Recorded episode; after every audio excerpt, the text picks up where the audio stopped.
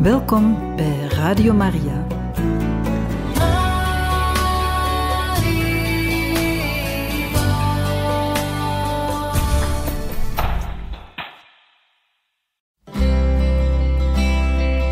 Welkom bij Boekat, een programma van Radio Maria.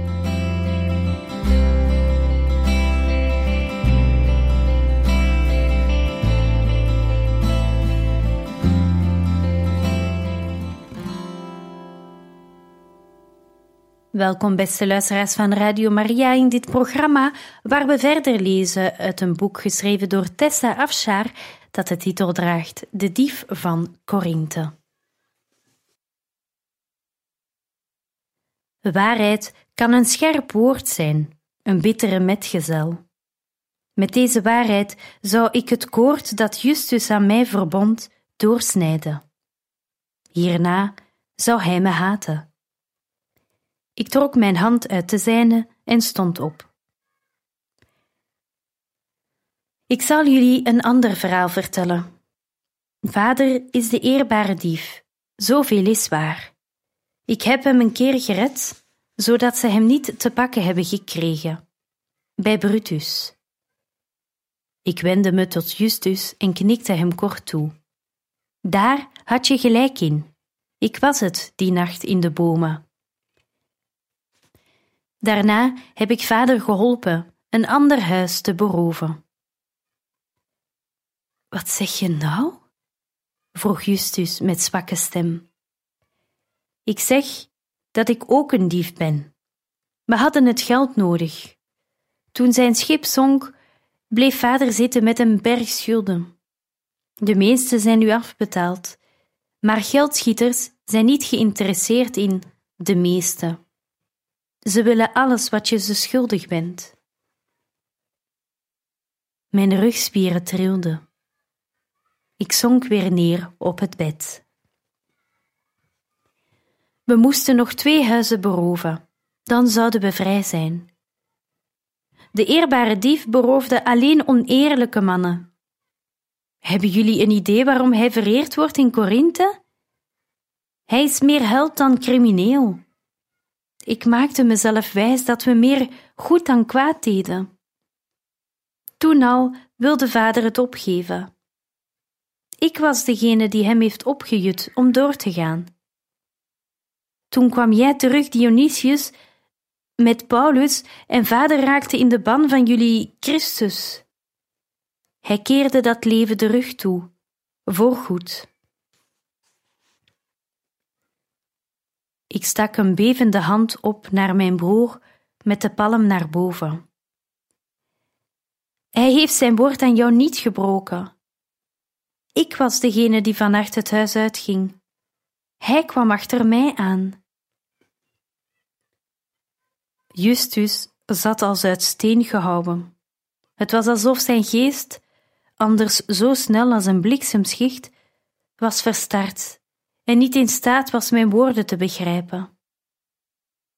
Ik draaide het mes nog dieper in de wond. Hij klom achter me aan op de muur en probeerde me te overreden om te stoppen. De klim was te moeilijk voor hem. Ik ging terug om hem te helpen, maar ik was te laat. Hij gleed uit en viel. Ik wees naar zijn verbonden been. Dit is door mijn toedoen.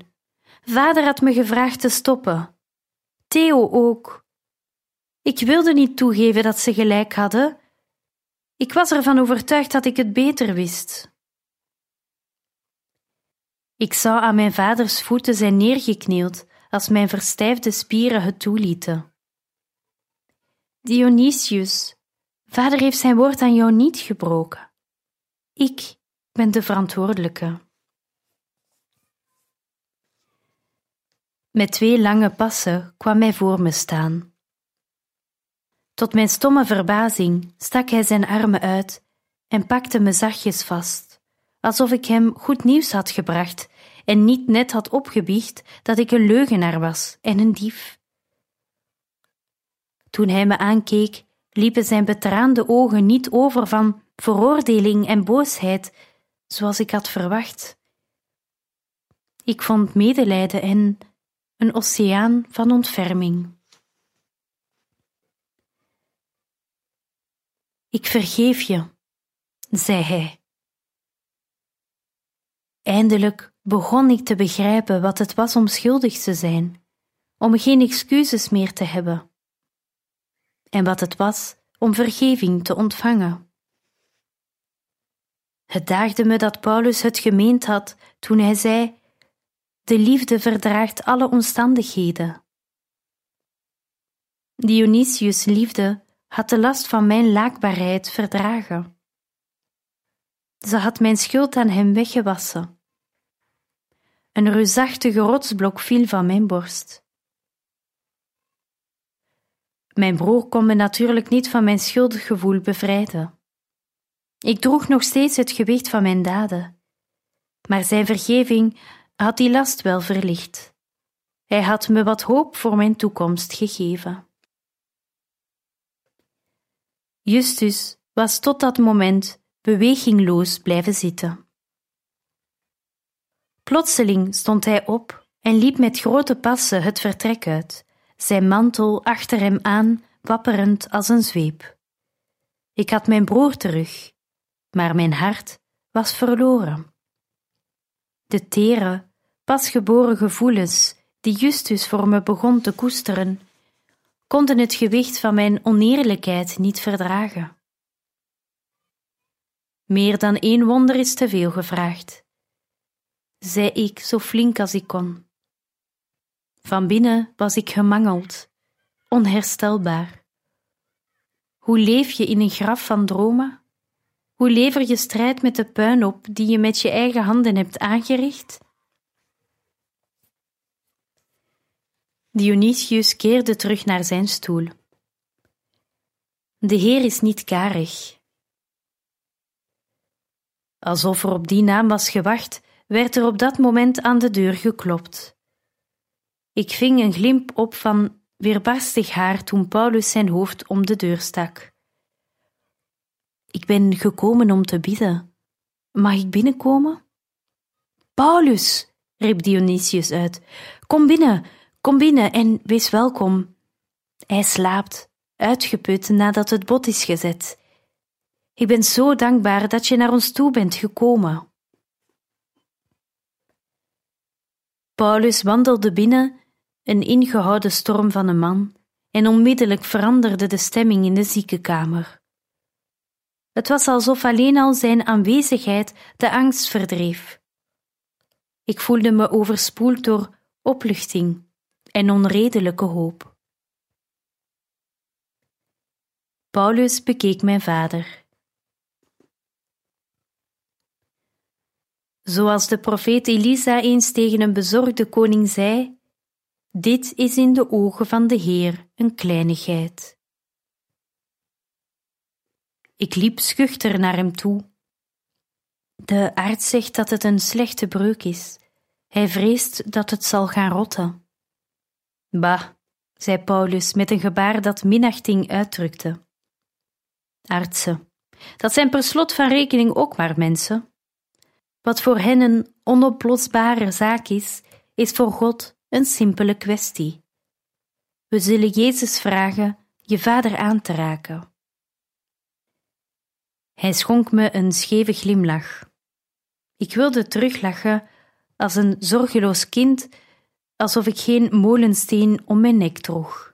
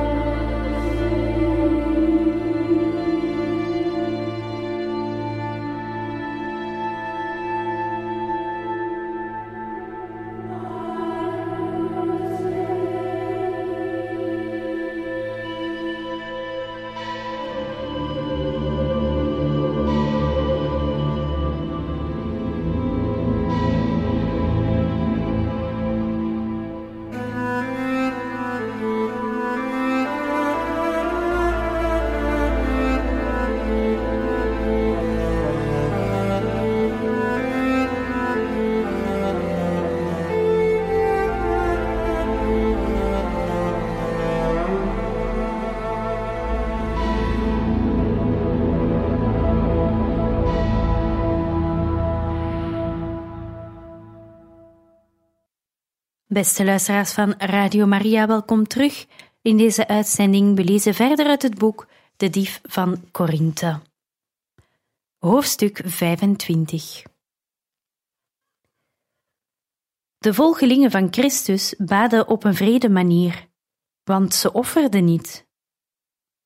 Nog geen armzalig tortelduif vergoot zijn bloed voor hun smeekbeden. Nee, Paulus en Dionysius gebruikten de eenvoudige taal van alle dag. Hun gebeden waren eerder een gesprek met een onzichtbaar wezen dan een formele liturgie. Ik begon te begrijpen wat Dionysius had bedoeld met het verschil tussen hun God en de onpersoonlijke kracht tot wie de Stoïcijnen neigden. Ze spraken God aan met Vader, en soms gebruikten ze zelfs de Hebreeuwse koosnaam Abba, wat volgens hen de intieme term was waarmee een Joods kind zijn geliefde vader aansprak. Wij zijn aangenomen kinderen, verklaarde Paulus. En zo baden ze, als kinderen. Ze droegen mijn vader op aan de zorg van de ene, die vaders beenderen had geweven in de schoot van zijn moeder. Weef zijn beenderen weer aan elkaar, Heer, zei Paulus simpelweg. Herstel ze waar ze verbrijzeld zijn. Hij zalfde mijn vaders voorhoofd met een beetje olie, fluisterde een zegen en deed een stap achteruit. Uren geleden was dit vertrek een plaats van foltering geweest, van ondraaglijke pijn, van bittere bekentenissen en afwijzing. Nu Paulus en Dionysius hun gebeden om mijn vader heen weefden, daalde er een merkwaardige vrede op ons neer. De eindeloze uren van wachten leken vergeten. De duistere agitatie en smart waarmee de kamer was gevuld, verdreven als was het een giftige damp. Paulus keerde zich naar mij toe. Ik zou graag willen blijven, als dat mag, om voor Galenos te blijven bidden. Natuurlijk, u bent zeer welkom. Tijdens mijn vaders ziekte was Dionysius het hoofd van de huishouding. Mijn broer had Paulus al uitgenodigd om te blijven. Ik vond zijn beleefde vraag ontroerend. In onze wereld werd een alleenstaande vrouw makkelijk over het hoofd gezien. Door mijn toestemming te vragen, liet hij blijken dat hij zich om mijn mening bekommerde. Na al die tijd aan mijn vaders ziekbed was ik rillerig en uitgeput. Ik excuseerde me om een uurtje te gaan rusten. Voor vaders slaapvertrek zat Galatea op de grond, met haar knieën opgetrokken tegen haar borst. Ik bleef abrupt stilstaan. Waarom had ik het niet eerder in de gaten gehad? Omdat ze hunkerde naar goedheid, was Galatea aangetrokken door mijn vaders vriendelijkheid van elke dag.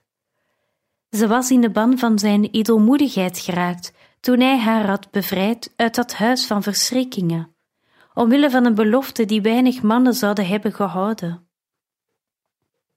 Ze was van hem gaan houden omdat hij haar als een mens behandelde en niet als een slaaf. Galatea, ga maar naar binnen. Het arme schepsel glipte langs me heen en snelde de kamer binnen, alsof het leven zelf haar daar verwachtte. Terug in mijn kamer probeerde ik mijn lichaam rust te geven, al renden mijn gedachten door mijn hoofd als Theo's strijdwagen. Met chirurgische objectiviteit fileerde ik het vlees van mijn eigen leven. Ik onderzocht mijn eigen daden en was voor één keer eerlijk over de motieven die me ertoe hadden gedreven. Het was nu zo duidelijk. Mijn complete arrogantie, mijn achteloos gebrek aan achting voor anderen. Ik had volgehouden dat ik mijn eigen familie een dienst bewees terwijl ik in feite mijn eigen verlangens had gediend. Ik had mijn vaders verlosser willen zijn, de enige van de familie willen zijn die hem bijstond.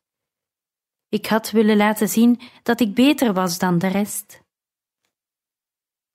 Maar toen ik mijn beslissingen van de afgelopen maanden tot in hun knobbelige wortels onderzocht, zag ik een simpele waarheid. Ik wilde doen wat ik wilde. Vijf jaren waren er voorbij gegaan sinds ik mijn moeder en grootvader had achtergelaten, en ik kwam nog steeds in opstand tegen hun bevelen. Ik duwde nog steeds tegen hun grenzen. Mijn leven werd geregeerd door verzet, niet door liefde. Nooit had ik me afgevraagd welke prijs mijn vader moest betalen, hoeveel onrust ik hem bezorgde. Het verdriet als ik betrapt zou worden. De totale schande die ik met mijn daden over onze familie zou halen. Ik had alleen aan mezelf gedacht. Mijn beslissingen vergoeilijkt met een handvol bewonderenswaardige smoezen die te armzalig waren om iemand voor de gek te houden, behalve mezelf. Voor het tribunaal van mijn eigen geweten stond ik terecht. Ik oordeelde onpartijdig en kwam tot de conclusie dat ik schuldig was. Ik verdiende de hoge prijs die ik betaalde. Door per se mijn eigen zin te willen doen, had ik de ontluikende liefde van de enige man van wie ik ooit zou houden vernietigd. En ik had mijn vader, die alles voor me betekende, kwaad berokkend. De rest van mijn leven zou ik met deze feiten moeten leven. Ik hees me uit bed met de bedoeling weer naar vaders kamer terug te gaan. Op weg erheen zag ik Paulus voor het kleine zwembassin op de binnenplaats op een marmeren bank zitten. Hij draaide een takje rozemarijn tussen zijn vingers. Zonder na te denken liep ik naar hem toe. Mag ik bij u zitten? vroeg ik om zijn Joodse gevoeligheden niet te krenken. Ik zat op je te wachten, zei hij cryptisch en maakte een uitnodigend gebaar. Zal ik iets te eten bestellen? Wat wijn wellicht? Ik ben tevreden. Het is jouw gezelschap waar ik naar uitkeek. Perplex ging ik naast hem zitten. De stilte tussen ons duurde voort. Voor een man die naar mijn gezelschap had verlangd, had hij niet veel te zeggen. Ik voelde dat ik deze man kon vertrouwen, dat ik hem mijn leven kon toevertrouwen. Ik had geen bewijs voor die schijnbaar roekeloze conclusie. Ik kende hem amper. En toch dreef een diep gewortelde overtuiging me om hem in vertrouwen te nemen. Ik had aan Justus en Dionysius mijn zonden opgewicht. Mijn broer had me vergeven, Justus niet. Nu nam ik een hagelijk besluit. Ik koos ervoor bij deze man te biechten. Er was geen rationele reden voor een naakte bekentenis, er viel niets bij te winnen. Maar mijn ziel hunkerde ernaar om mijn overtredingen te onthullen aan de man die God vader noemde, zonder impertinent te zijn. Ik ben een dief, begon ik. Daarna werd het makkelijker.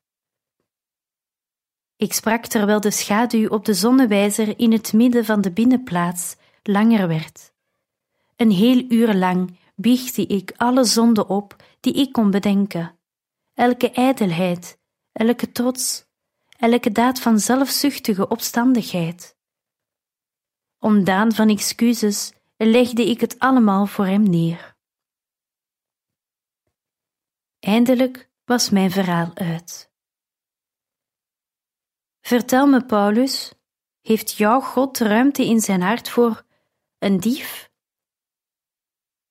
Hij nam me nadenkend op. Er stonden drie kruisen op Golgotha, op de dag waarop Jezus werd gekruisigd. Hij hing in het midden, tussen twee misdadigers in. Een van hen erkende zijn schuld en zei tegen hem: Denk aan mij wanneer u in uw koninkrijk komt. Dat was genoeg voor Jezus, dat druppeltje geloof, die eenvoudige schuldbekentenis. En hij zei tegen die misdadiger: Ik verzeker je, nog vandaag zul je met mij in het paradijs zijn. In het paradijs. Die misdadiger, die zelf bekende dat hij schuldig was en terecht straf ontving, geniet op dit moment van een vrede die jij en ik ons alleen maar kunnen indenken. Hij zwemt in vreugde, loopt over van tevredenheid. Hij gaat om met de Zoon van God en zijn engelen. Hij zal een eeuwigheid leven zonder tranen, ziekte of wanhoop. Op een dag zal hij een nieuw lichaam krijgen dat eeuwig is, onvergankelijk, onbreekbaar. Ja, Ariadne, onze Heer heeft een warm plekje in zijn hart voor dieven die berouw hebben. Je hebt je zonde beleden. Dat is een belangrijke stap op de weg naar berouw. Hij schonk me een oogverblindende glimlach. Ik heb het je al een keer verteld. God wil alles, elk deel van je. Nu begreep ik wat Paulus toen had bedoeld. Deze God nam geen halve maatregelen. Hij wilde niet mijn hand vasthouden, hij wilde mijn ziel hebben. Hij wilde mij, het gebrokene en het goede in me. En hij wilde mij als geheel lief hebben. Waar ik altijd naar had gehongerd, wilde hij me geven. Maar de prijs was mijn leven. Het einde van ongehoorzaamheid en zelfbestuur. Het einde van arrogantie en ijdelheid. Hij wilde een kind dat haar gezicht begroef in zijn hals en hem haar gebroken toekomst toevertrouwde. Het lijkt me geen bijzonder goede transactie voor hem, zei ik, want ik vond mijn leven een te grote waarboel om veel waard te zijn. Maar ik wil wat Dionysius heeft: de kracht om te vergeven, het verlangen om lief te hebben. Ik wil God. Toen ik Paulus die dag verliet, voelde ik me schoon, schoon en goed.